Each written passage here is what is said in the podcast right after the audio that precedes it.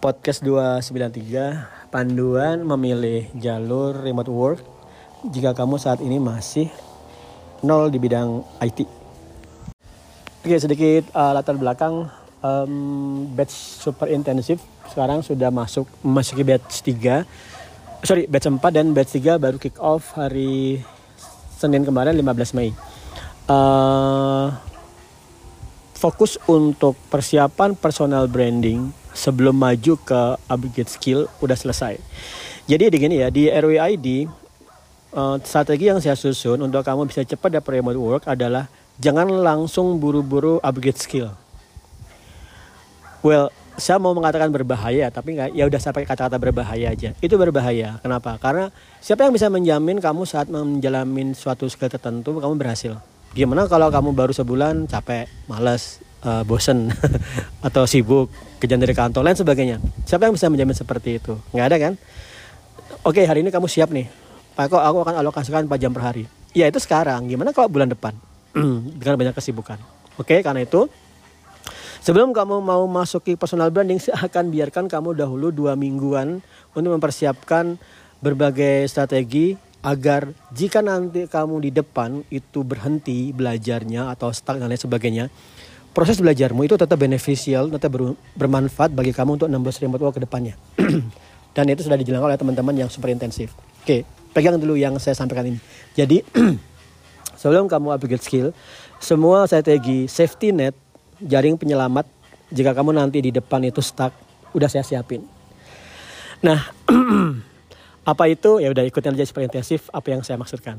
Nah kemudian, oke okay, jaring-jaring pengaman sudah disiapin. Nah kemudian ini, apa yang akan saya tempuh? Oke, okay, untuk apa yang akan saya tempuh itu sebenarnya sama sekali pegangan dari saya adalah tidak ada hubungannya dengan latar belakang pendidikanmu. Entah kamu uh, lulus SD, SMP, SMA, kuliah, satu S2, jalurnya sastra, ekonomi, akuntansi, hukum, dan sebagainya, itu nggak ada hubungannya bener-bener nggak ada hubungannya. Yang ada hubungannya adalah uh, minatmu. Kamu suka apa enggak dengan program yang akan kamu tempuh. Itu aja. Dan di program yang ditempuh itu tidak melulu pemrograman. Itu yang harus saya sampaikan dahulu. Jangan langsung remote work itu berarti coding, pemrograman, JavaScript. Enggak, enggak, enggak gitu. Tetap, tetap IT ya. Misalnya Pak Eko aku nggak bisa IT, bisa nggak aku nulis remote work? Atau Pak Eko aku nggak mau belajar IT, bisa nggak aku nulis remote work? Jawabannya nggak bisa karena remote work itu kaitannya dengan IT. Tapi IT yang kamu maksudkan itu mungkin pemrograman. Tapi IT yang saya maksudkan itu bukan pemrograman aja. Contoh desain. Desain itu bukan pemrograman loh ya. Kamu disuruh merancang tampilan, disuruh merancang gambar, disuruh merancang interaksi halaman-halaman untuk aplikasi. Itu bukan pemrograman. Itu tidak butuh pemrograman. Itu butuh skill apa ya? Skill melakukan visualisasi terhadap aplikasi dan skill merefine, mendetilkan visualisasimu itu. Contoh kamu sudah bisa merancang halaman A, B, C. Dari A ke B, B ke C, C ke D. Kemudian setelah kamu paham rancangannya, kamu coba-coba benar nih. Kemudian per halaman kamu detilin. Nah, itu bagian UI-nya. Oke. Yang tadi itu bagian UX-nya, merancangnya, interaksi itu UX. Kemudian detailnya itu UI. Nah, kalau kamu sudah paham seperti ini, maka uh, Begitu kamu akan mulai, menempuh jalur, ada beberapa bidang yang mereka berdiri dan tidak berhubungan satu sama lain. Itu adalah satu, virtual assistant. Kedua, desain. Ketiga, digital marketing. Keempat, data science, data analytic. Data saya bilang data engineering aja, data engineering termasuk juga machine learning. Oke, udah empat ya. Uh, terakhir application development. Ada lima ya, ada lima. Nanti ini akan saya buat dalam bentuk video, cuman ini untuk uh, pegangan kalian untuk kalian resapi dulu. Jadi ada lima bidang remote work yang berdiri independen satu sama lain. Pertama, virtual assistant. Kedua, design. Ketiga, digital marketing. Keempat, data engineering. Kelima, pengembangan aplikasi. Jadi kamu lihat dari sini yang coding itu cuma pengembangan aplikasi aja virtual assistant, digital marketing, uh, data engineering. Satu lagi tadi apa tadi ya? Saya lupa. Desain itu gak ada hubungannya dengan pengembangan aplikasi. Nah di pengembangan aplikasi itu baru detailnya panjang. Detailnya panjang. Saya akan mulai dari yang pertama dulu. Virtual assistant. Kalau kamu nggak kalau kamu ngerasa skillmu di bidang coding, desain, data nggak bagus, kamu bisa memulai tahapan di virtual assistant. Cuman masalah gini, Pak Eko, apa itu pekerjaan virtual assistant? Pekerjaan virtual assistant itu terlalu luas untuk didefinisikan. Gampangnya adalah kamu ngebantu orang untuk ngerjain tugas-tugas dia di komputer. Itu aja. Kadang-kadang disuruh copy paste, data entry, uh, mengatur email, terus mencari data riset namanya riset, kemudian disuruh melakukan scraping data. Banyak banget. Pokoknya bayangkan kamu ngebantu orang yang punya usaha di internet, kamu bantu yang semua yang dia butuhin. Aku sibuk banget tolong kamu entrikan data pindahin dari Excel ke PDF atau PDF ke Excel. Jadi seperti itu jadi banyak banget dan luas banget. Nah ini gampang dikerjain ya kan? Tapi akibatnya karena gampang pesaingnya banyak pesaingnya banyak. Kamu cuman satu menitnya udah 50-an job 50-an kompetisimu. Jadi, kalau kamu mau di virtual assistant itu biasanya biasanya itu kamu um, menerima rekrut dari teman yang sudah masuk bekerja di sana. Contoh contoh teman RWID misalnya Mbak Citra sudah kerja sama klien, klien itu butuh orang yang bantuin untuk data entry. Ya udah kamu direkrut itu gampang. Tapi misalnya kamu harus kompetisi sama di Upwork dengan banyak orang yang virtual assistant itu susah banget. Kenapa? Karena banyak. Dan kemudian gini, Pak Eko sebaiknya gimana? Sebaiknya untuk kamu yang uh, let's say merasa di bidang IT-nya nggak confident, kamu bisa mulai dengan virtual assistant. Nanti diampu oleh Mas uh, Fikri. Mas Fikri itu keren banget virtual assistant-nya mentor RWID yang super intensif di bagian virtual assistant. Satu ya, dah. Kemudian desain. Uh, desain di sini luas ya, desain itu luas banget. Desain itu bisa mencakup ngebangun cover buku, kok ngebangun sih? Ngerancang cover untuk buku, kemudian poster berbagai poster sosial media. Kemudian ngebuat berbagai aset untuk website aplikasi. Itu luas banget. Nah ini aplikasi yang dipakai uh, Adobe Illustrator mungkin juga termasuk juga Photoshop dan lain sebagainya. Nah di sini kita nanti akan gabungkan. Saat ini kita masih gabungkan antara desain kita masih gabungkan dengan digital marketing. Kenapa? Karena kalau desain uh, desain dengan berdiri sendiri kita ngelihat peluangnya berkurang kalau kita gabungkan desain dengan digital marketing. Jadi digital marketing itu adalah dia jual produk. Oke, dia jual produk. Jual produk ini dia butuh orang yang rancangin posting-posting dia, poster-poster dia untuk Instagram, Facebook dan lain sebagainya. TikTok termasuk teman-teman. TikTok itu mostly video ya. Nah, kamu disuruh ngerancang. Saat kamu ngerancang ini, kamu akan punya uh, kamu akan punya technical skill yang harus dia kuasai. Pertama adalah Adobe Illustrator kedua itu Canva. Canva itu tetap diperlukan ya meskipun Canva itu mudah. Harus semua semua orang bisa pakai Canva. Cuman kalau kamu desain sosial media cuma pakai Canva kelihatan banget wah ini pakai Canva ini. Tapi kalau kamu desain pakai uh, digabung dengan Adobe Illustrator wah udah kelihatan bagus udah kelihatan profesional banget. Oke. Ini desain dan digital marketing kita gabungkan dengan konten konten konten marketing ya uh, ini kita jadikan diampu oleh Mbak Citra di antaranya. Mbak Citra itu uh, member RYD yang nembus remote work cuma dalam hitungan dua minggu sebagai digital marketing. Sudah expert terlebih dahulu di kajian onsite sebagai digital marketing. Dan di sini digital marketing terbagi dua.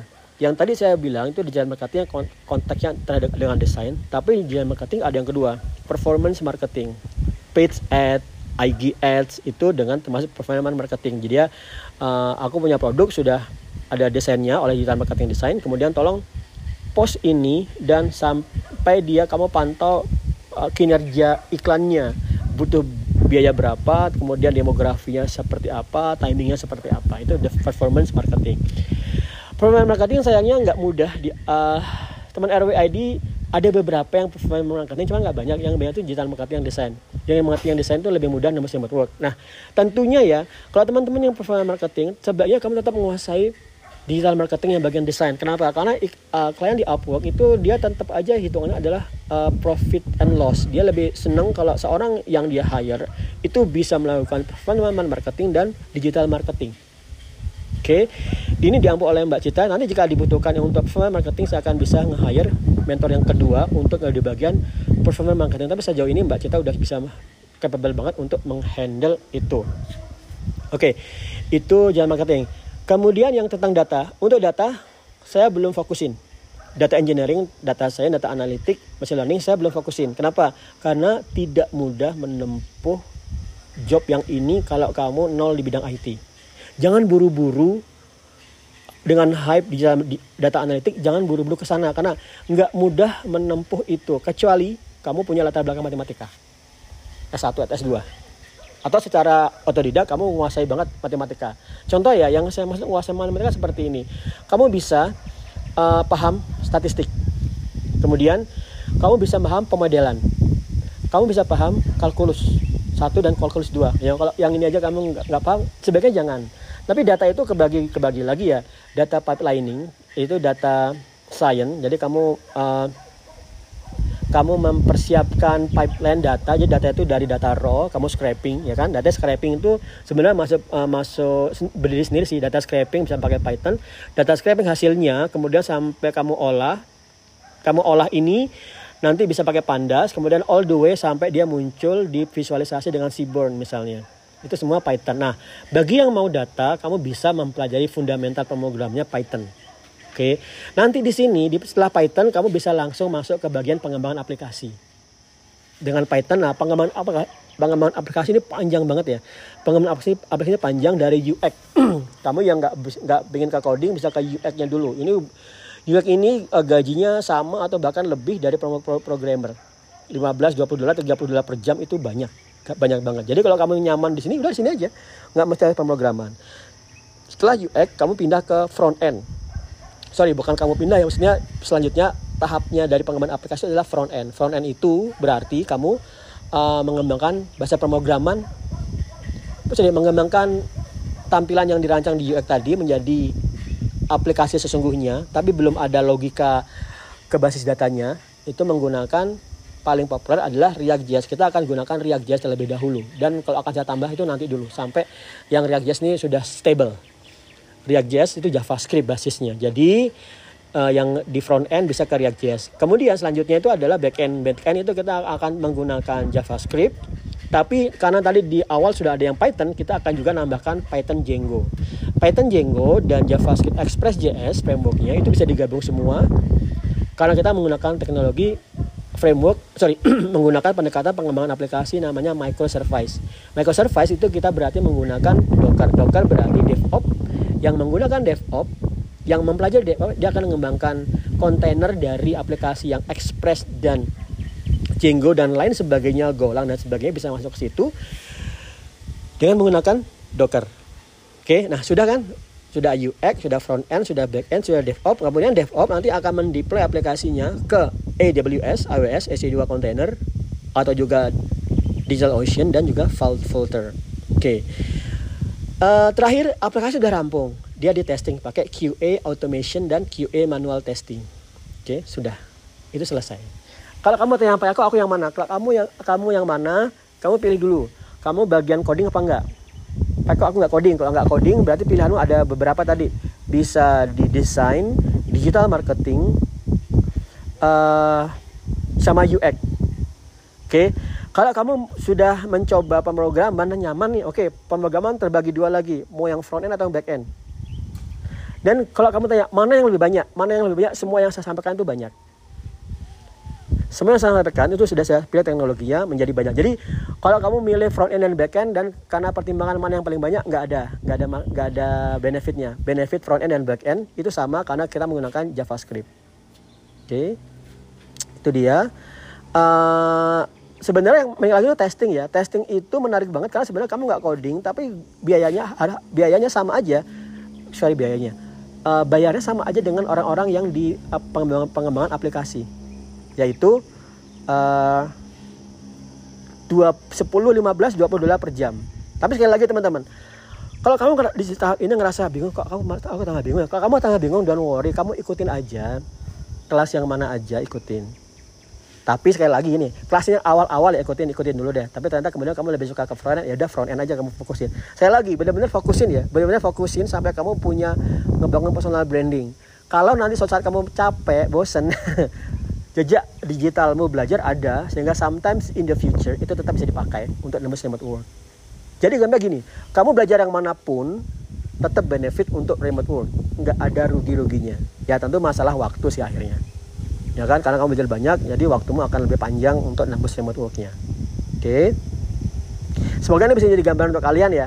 Kalau kalian merasa masih confused ya sebenarnya uh, confused itu karena kamu mikir aja. Nanti kejalanin dulu aja, jalanin baru kamu tahu oh ya deh, saya akan yang front end aja. Cukup ya.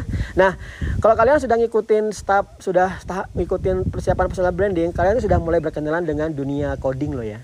Kemarin kalian sudah nge-clone repository, kemudian pakai Git, Visual Studio Code, update ke domain kalian. Itu sudah seperti itu. Yang kamu lakukan itu yang di front end, back end, data scraping, data data engineering itu sudah kamu rasakan seperti itulah kira-kira. Install aplikasi, update repository, ngepush seperti itu. Yang belum kamu lihat adalah gimana yang UX dan digital marketing. Karena memang terpisah dan nggak ada hubungan dengan yang kemarin. Gitu ya. Oke. Uh, setelah setelah yang uh, podcast ini saya akan susulkan dengan video insya Allah. Video ini akan langsung saya tunjukkan jobnya sama aplikasi yang dipakai. Sama uh, mungkin sedikit rasanya ya. Misalnya gimana sih maksudnya rancang UX nya nanti ya sudah kamu pilih aja. Dari situ kamu pilih dan uh, insya Allah besok atau lusa kita akan uh, langsung mulai berproses dengan mentor. Oke okay, thank you. Assalamualaikum